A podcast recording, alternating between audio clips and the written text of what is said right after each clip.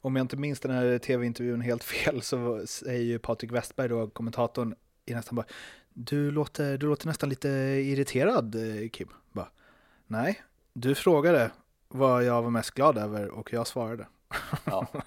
Nej, okej. Okay. Inte irriterad alls. Nej, det är också en, en, klassisk Kim. Jag har ju fått känna på hans eh, ilska också i vintras inte minst. Aha.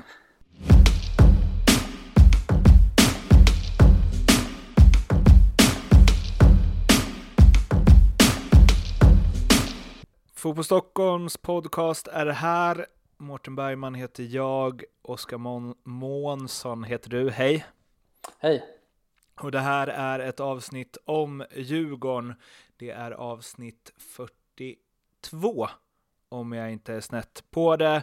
Och det är ett avsnitt som spelas in när Djurgården leder allsvenskan efter 18 omgångar. Vem hade trott det innan säsongen? Det hade nog inte så många trott, nej. 18 omgångar ändå, då är man rätt långt in i säsongen, får man säga. Då har ju liksom tabellen börjat sätta sig, även om det är, ja, det är jämnt där uppe såklart, men det är ju, eh, ja, hade de varit där liksom efter sju omgångar hade, hade det ju inte spelat någon roll egentligen liksom. Om man ska hårdra det lite. Varför leder de serien, vill jag fråga. och det är, så, det är elak fråga, för det känns som att det är något man kan vända och vrida på länge, men du har ju sett allt med Djurgården och är det förvånande? Ja, bra fråga. Um, man kan ju säga som så att de, att de, de ligger ju där de ligger eftersom eh, de eh, förtjänar det. Ehm, och man ser nu, alltså jag tycker Elfsborgsmatchen som de spelar nu senast eh, och vann med 1-0. Ehm, det säger väldigt mycket om vad Djurgården är för typ av lag. Ehm, för att det var egentligen inga, inga överprestationer där, det var liksom ingen spelare som gjorde något extraordinärt eller något sånt där. Men på liksom ren eh, grundkvalitet vann Djurgården och de vann dessutom ganska enkelt. Ehm, jag sitter ju och antecknar på alla matcherna och ja, noterar hur mycket chanser de har och sånt där. Och den här gången fick jag ihop till tio chanser på Djurgården. Tio bra chanser. Ehm, och eh, det är ju väldigt mycket såklart.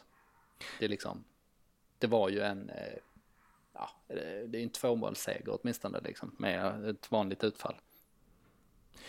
Det är ju också mm, Mm, klipp här Hugo. Mm, det är ju också så att Elfsborg, hade de ens hade de någon målchans?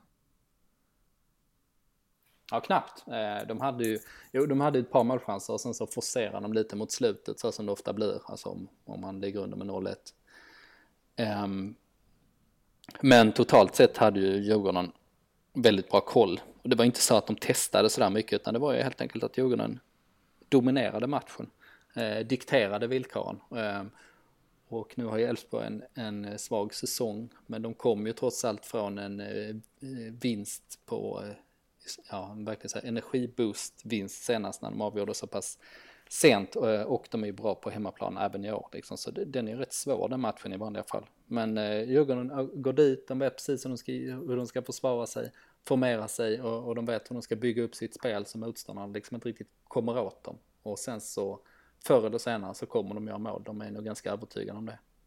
Um, och det är ju lätt att tro på det också när man har för vana att avgöra sent. I det här fallet kom det ju, kom det ju tidigare och de dominerar ännu mer än, än de gjort tidigare. Men ja, imponerande som sagt.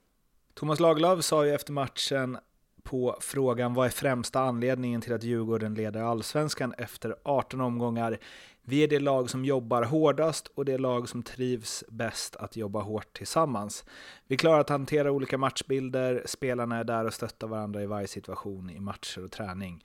Vi håller ihop hela vägen. Om man, om man kan mäta hur ett lag som jobbar hårdast, jag vet inte om man kan det, alltså så löpmeter och så, men ja, det kanske är hårdast, men det kan ju också vara korkat jobb ibland. Eh, mm. Eller för att man inte har en spelidé som är tillräckligt satt, eller att spelarna vet vad de ska göra, att det blir lite yra höns. Grejen kan ju dra ihop många löpmeter. Men det som Tolle säger här, håller du med? att de jobbar hårdast? Ja, det gör jag. Um, och jag tror just som du sa, löpmeter nog kanske inte Djurgårdens största styrka. För att det är ju något som Kim och Tolle tjatar på spelarna om att inte ta löpningar i onödan. Att de liksom stannar hellre och väntar på att bollen kommer till dig. Ehm, så att det finns liksom en, en metodik och en spelidé som kommer först, som man ska underordna sig. Och sen när man gör det kan man liksom jobba hårt inom den ramen. Ehm, och det är ju ett framgångsrecept om man lyckas få det på plats liksom. Jag tänker på eh, Island under Lagerbäck liksom. När man ser att varenda spelare vet precis hur de ska göra liksom den här fullständiga lojaliteten gentemot varandra. Um, och Djurgården spelar ju på ett annat sätt, uh, men jag tycker man ser den här självklarheten också i uh, kroppsspråket och hur spelarna agerar. Liksom. Om de gör något misstag så är det inte så mycket med det, liksom, utan då är det bara tillbaks till positionen och börja om på något sätt. Um, så jag, jag, tror absolut det där är nyckeln. Alltså att man har förenat de två sakerna. Spelidé, lojalitet till den liksom och sen lojalitet till varandra. Tror du det jag menar med att, att de trivs bäst med att jobba hårt tillsammans? Ja, precis. Jag, jag, kör, jag köper den förklaringen. Um, och man ser ju det också på många spelare som Alltså det är kanske inga stjärnspelare sedan tidigare. Eh, det är liksom så habila allsvenska spelare sen tidigare som har lyft sig i det här systemet. Ehm, um, Danielsson är ett bra exempel. Nu är han ju liksom kanske ja, till och med hela seriens bästa spelare. Men om man ser till liksom vad han har varit tidigt, tidigare, Une Larsson, Karlström, Haris Radetinac eh, har ju presterat bra med, med, mot alla odds eh, lite grann.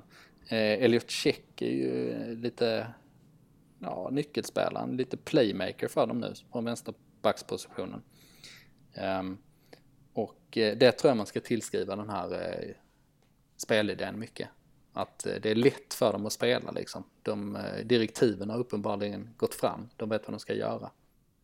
Om, om tio är bäst i allsvenskan, eller så här, allsvenska toppskiktet så har de ju ganska många som är sju och en halvor som har blivit åtta och en halvor.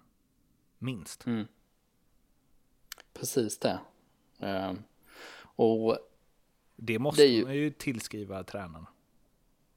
Ja, absolut. Absolut. Och eh, säkert spelarna också. Alltså det här kollektiva, att man är lojala mot varandra och har ja, en, bra, en bra miljö helt enkelt.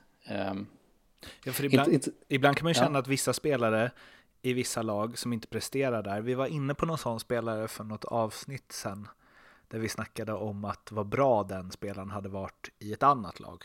Nej men eh, eller? Var det vi som pratade om det? Jag kommer inte ihåg, jag är ju med i så många poddar, vi kommer till det sen i, i eh, vår, eh, när vi ska prata om vår sponsor. Men, men oavsett om det var vi eh, som pratade om det eller inte så Elfsborg har ju många sådana spelare, tänker jag, som hade varit väldigt bra i andra lag, en för en. Typ Simon Lundevall som knappt platsar i Elfsborg, men skapar, eller han är väl en av allsvenskans absolut bästa en mot en spelare offensivt. Men eh, kommer inte alls till sin rätt där av någon eh, outgrundlig anledning. Det är i och för sig ganska många spelare i Elfsborg som inte gör det. Medan i Djurgården så känns det som att de har många spelare, eller många, men några i alla fall, som hade varit sämre i andra lag. Ja, det tror jag absolut. Um, och eh, det är något som de pratar om, Kim och Tolle, mycket, att de pratar om spelarroller snarare än positioner. Um, och eh, det, är kanske inte, det kanske inte är revolutionerande, men många har ju liksom att eh, systemet ser ut som det gör och sen ska man anpassa sig efter rollbeskrivningen. Men här är det mer att de anpassar sig, alltså de har sin grundidé hur de ska spela men sen anpassar de sig efter spelarnas spetsegenskaper. Man ser ju det tydligt på ytterbackarna till, ett, till exempel eh, att Aslak von Witry ska ju utnyttja sin löpstyrka och fysik liksom och eh, frenesi och, och eh, ja, löpa på kanten helt enkelt. Han är ju en, en högerytter i deras uppspelsfas. Eh, Medan Elliot Check då som är eh, spelskicklig, han eh, går ju ner i trebackslinjen och är den som styr uppspelen därifrån. Ehm, och, men kan också liksom dra upp på kanten eller ibland gå in på innermittfältet till, till exempel. Och det gör ju att jag tror det är mycket därför som Djurgården får eh, kontroll på matcherna så, för att motståndarna vet inte riktigt var de ska sätta in sin press och sina stötar liksom, för att man har de här små positionsförskjutningarna hela tiden som gör liksom att motståndarna kommer, kommer inte riktigt åt dem. Um, och det är, ja, intressant. Det finns ju också någonting i att de har sin bästa spelare borta i Erik Berg, eller den som borde vara bäst i alla fall.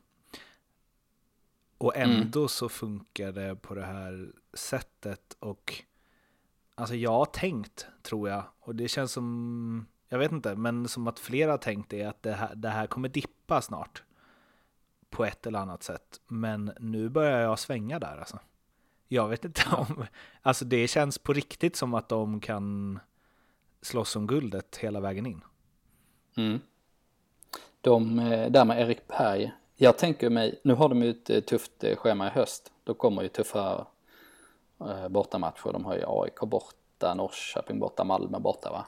Mm. Um, och eh, då hade det ju varit jävligt bra om de, om de haft Erik Berg. Eh, tveksamt för han verkar ju vara borta ganska länge. Mm. Men den här, eh, det här alternativet de hade när de kunde spela med en fembackslinje istället, eller trebackslinje. De spelade typ 5-2-3 ett par matcher där när Jonathan Ring hittade sig rätt i den eh, ja, när de spelade med två tior när han fick en fri roll där. Den modellen tror jag hade varit jävligt bra på bortaplan i de här tuffa matcherna.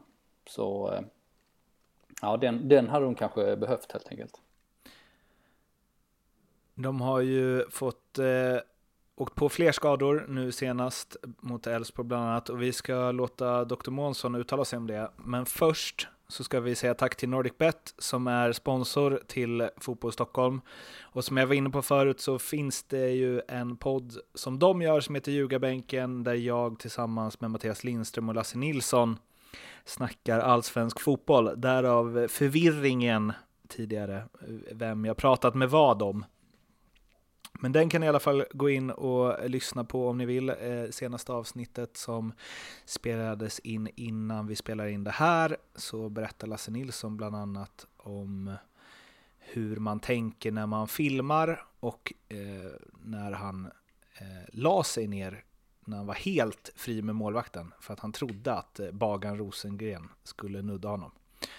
Men eh, gjorde ej så och det är ja, generellt intressant uh, kring uh, mm, filmningsgrejen och höra en tidigare spelare vara så ärlig och öppen med det som han är ja. där. Filmningen har väl annars inte varit så mycket debatt om det. Känns som de har lite färre filmningar nu för tiden än tidigare. Mm. Nej, kanske Eller? inte. Nej. Det är inte det som folk har blivit... För det är också det, alltså mm, han som fixade straffen mot Hammarby i Kalmar. Det, det blev mm, ju inte Maxwell. att han, ja Maxwell, det blev ju inte att han filmade. Utan det blev ju att det var ett dåligt domslut. Ja. Fast han filmade ju också. Han la sig ju ja. bara ner. Ja. Men, eh, ja. Vi, så, så, det är ju inte heller bra. Men ja, nej det kanske inte har... Jag, jag bara väntar ju nu på när Premier League ska börja och VAR och hela faderullan. Ja, det kan bli något. Det kan vara skönt att vi slipper det i allsvenskan i alla fall. Om vi nu mm. gör det. Nej, men jag, jag tror, eh, det är en tidig spaning, men jag tror eh, att utvecklingen går ditåt. Lite renare spel i allsvenskan, åtminstone vad det gäller filmningar. Med de orden i alla fall, tack NordicBet och ni hittar som sagt podden Ljugarbänken genom att söka på Ljugarbänken där poddar finns. Nu som sagt dags för Dr. Månsson som eh, har kollat inte så nära på Astrid Ajdarevic skada. Han skickade iväg en vänsterslägga, vinkade sen mot bänken, satte sig ner och eh, rullades ut. Istället kom ju Kevin Walker in som sedermera avgjorde matchen, men det såg inte så himla bra ut. Nej, Dr. Månsson är skeptisk igen. Jag tänker mig att det där är en muskelbristning i ljumsken. Det var ju åtminstone ljumsken det handlade om. Ehm, och eh, det såg ju ut som det högg till eh, rejält. Och då är det ju ganska många veckor man snackar om. Och det var väl kanske den sista spelaren, inte ur hur viktig han är, men med tanke på hur säsongen sett ut so far och vad man har fått ut i förhållande till vad man hade hoppats få ut, så var det den absolut sämsta spelaren att få den skadan. Ja, för eh, precis. För Astrids egen del är det ju ett hopplöst läge liksom när han inte har presterat under den här säsongen alls som man har tänkt sig. Men det handlar ju om det där liksom. Först kom han ju till klubben i lite dåligt fysiskt skick och hade en, ett jobb framför sig. Um, och sen när han har liksom varit på väg in att bli 90 minuters spelare, han har ju liksom varit en 70-80 minuters spelare vid ett par, eh, eller vid några tillfällen till och med. Um, så har det kommit de här små bakslagen, han har ju nästan, han har ju knappt haft några hela träningsveckor. Det har ju varit lite strul där liksom, om det är så ljumske, höft, eh, rumpa, däromkring liksom. Och eh, ja, han hade ju behövt, behövt bli kvitt allt det där. Så det var inte helt överraskande att det, att det skedde.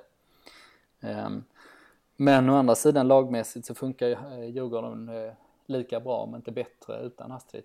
Ehm, och nu har man ju plockat in eh, Curtis Edwards också, vilket framstår som en helt perfekt värvning nu när dessutom Jesper Karlström är avstängd i nästa match. Då är det bara att slänga in den mångsidiga Curtis där. Ehm, Han är bra ju... alltså. Ja, det är en fin spelare. Och vi har ju snackat om det här eh,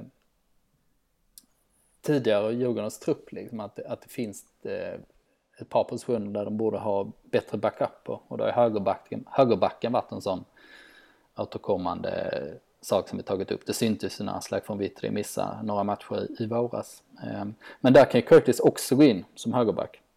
Han är ju så pass liksom, han är ju en Micke Nilsson typ liksom, den här eh, mångsidiga, kloka spelaren inte sticker ut så mycket men som alltid löser uppgiften.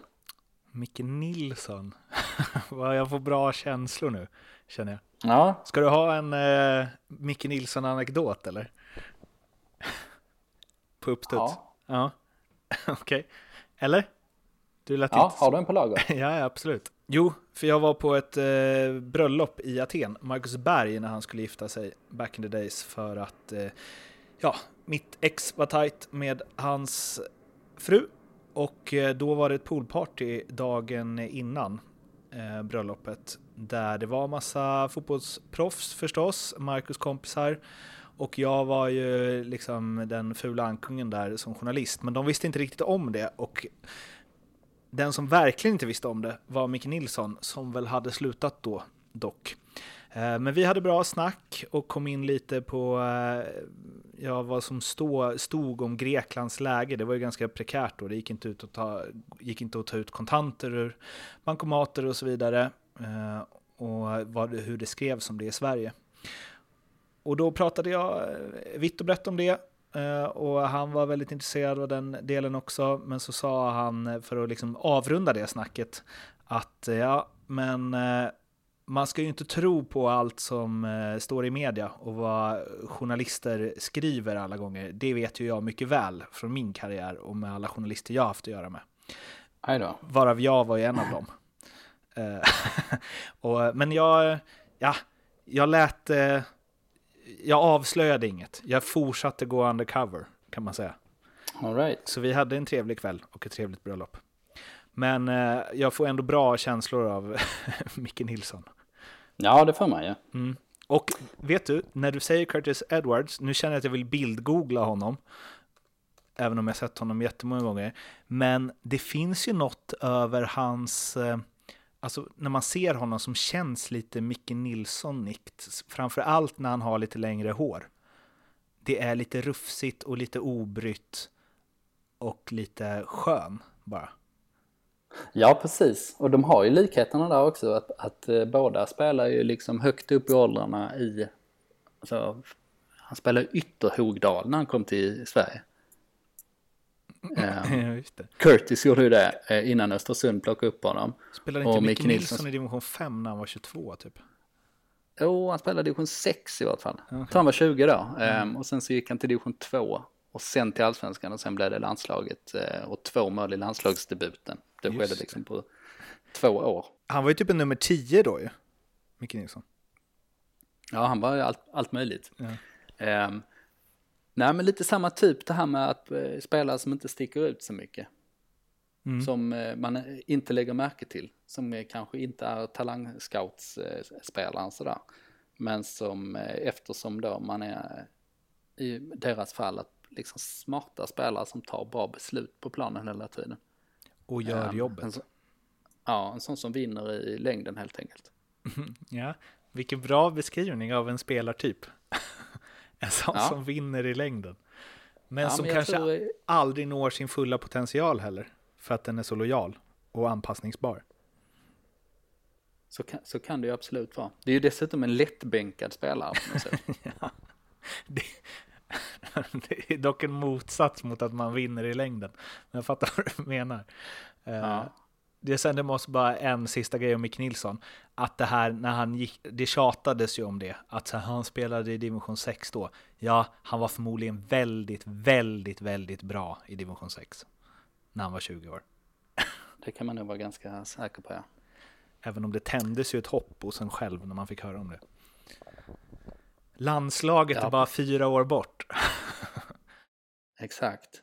Det är, jag tror det är många som tänker sådär. Alltså typ eh, när det blir så här Robin Jansson historia eller Curtis historia där. Det, det, är så lätt att skriva om det där liksom att man spelar sig i division 4 och sen så plötsligt visar det sig att man några år senare bara håller i allsvenskan.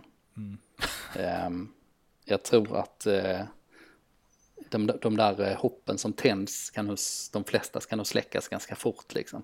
Mm. För att det är nog snarare så att han bara rå, råkar befinna sig på den nivån. Mitt släktes när Fabregas debuterade i Arsenal när han var 16 och jag var 17. Då kände jag, jag kommer aldrig komma ifatt. Vi skiter ja, i det här. Så hamnar man här istället, det är också trevligt. Eller hur? Vi är må många som har eh, misslyckats med våra karriärer som, som håller på med det här istället nu. Ja, får man säga. Eh, du, eh, en stor grej kring eh, den här matchen, eller efterspelet snarare, det är ju att Kim Bergstrand på frågan om vad som gladde honom mest, förutom de tre poängen mot Elfsborg, sa att ingen av hans spelare dog. Det kan man ju tycka är lite osmakligt, men om vi hoppar den biten så är det ju också konstigt. Ja, att man har fokus eh, på det. Men eh, Kim är ju, ja, han är ju en eldfängd person helt enkelt. Det brinner ju till för honom och han tar ju liksom konflikter ofta. Eh, han sa ju det när han kom till klubben när jag gjorde en intervju med honom, eller med honom och Tolle, att eh, han kommer skydda Djurgården med sitt liv. Eh, och för honom handlar det om att fightas liksom för varje millimeter. Plus att han har det här temperamentet liksom. Och det verkar ju som att han får, antar jag, att han får liksom energi av eh, konflikter i och med att han hamnar i dem så ofta. Alltså dels konstigt att gå på, alltså det var en sak om man hade lackat på domaren för att domaren inte stäv, stä, stävide eh, det hela. Men att han liksom kritiserar motståndarnas sätt att spela fult efter att man har vunnit. Jag vet inte, konstig grej, jag vet inte vad han, men det, ja, det är väl bra att han hela tiden vill att Fast det handlar inte heller om att Djurgården ska bli bättre, det handlar om att Elfsborg ska bli bättre på att inte spela fult, vilket känns som en konstig grej att tänka på då.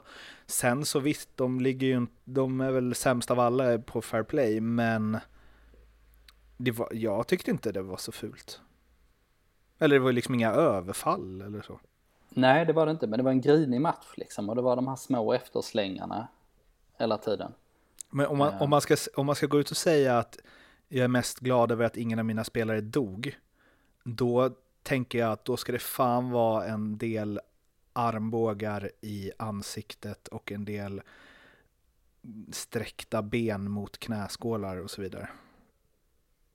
Om du ska ta till de orden. Nej, det var det inte.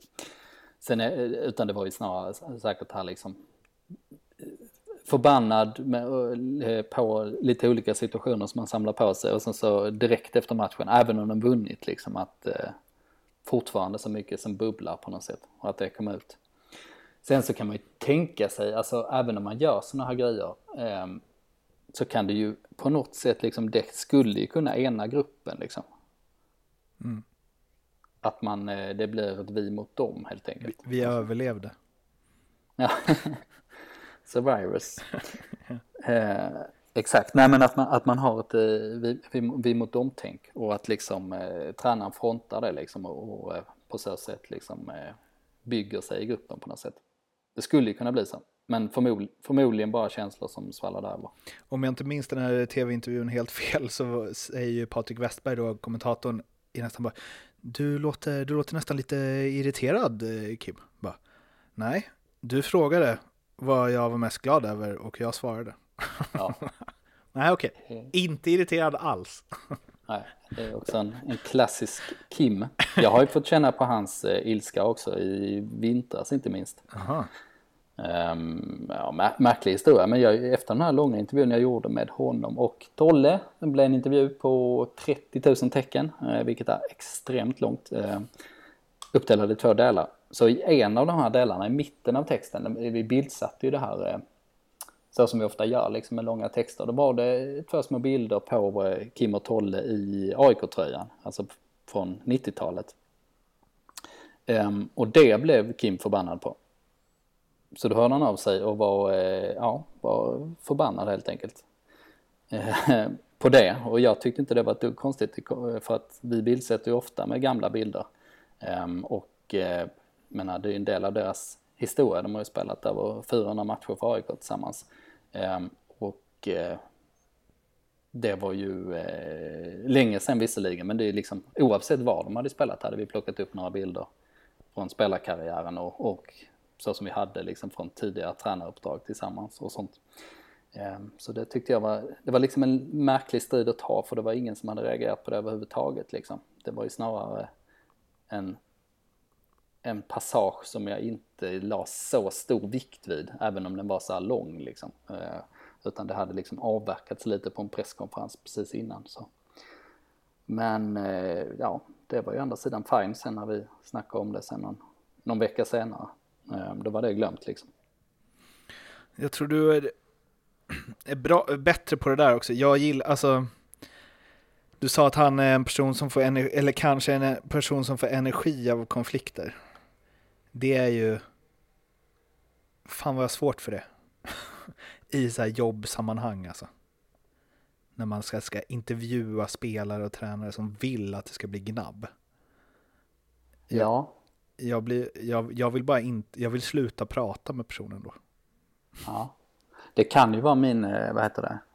Jag kan ju vara amatörpsykologen också. Jag vet inte om det, om det liksom är på det sättet. Men eh, att det blir konflikter ganska ofta har ju historien visat. Det var ju liksom i Sirius många gånger också. Ofta förbannad på olika saker.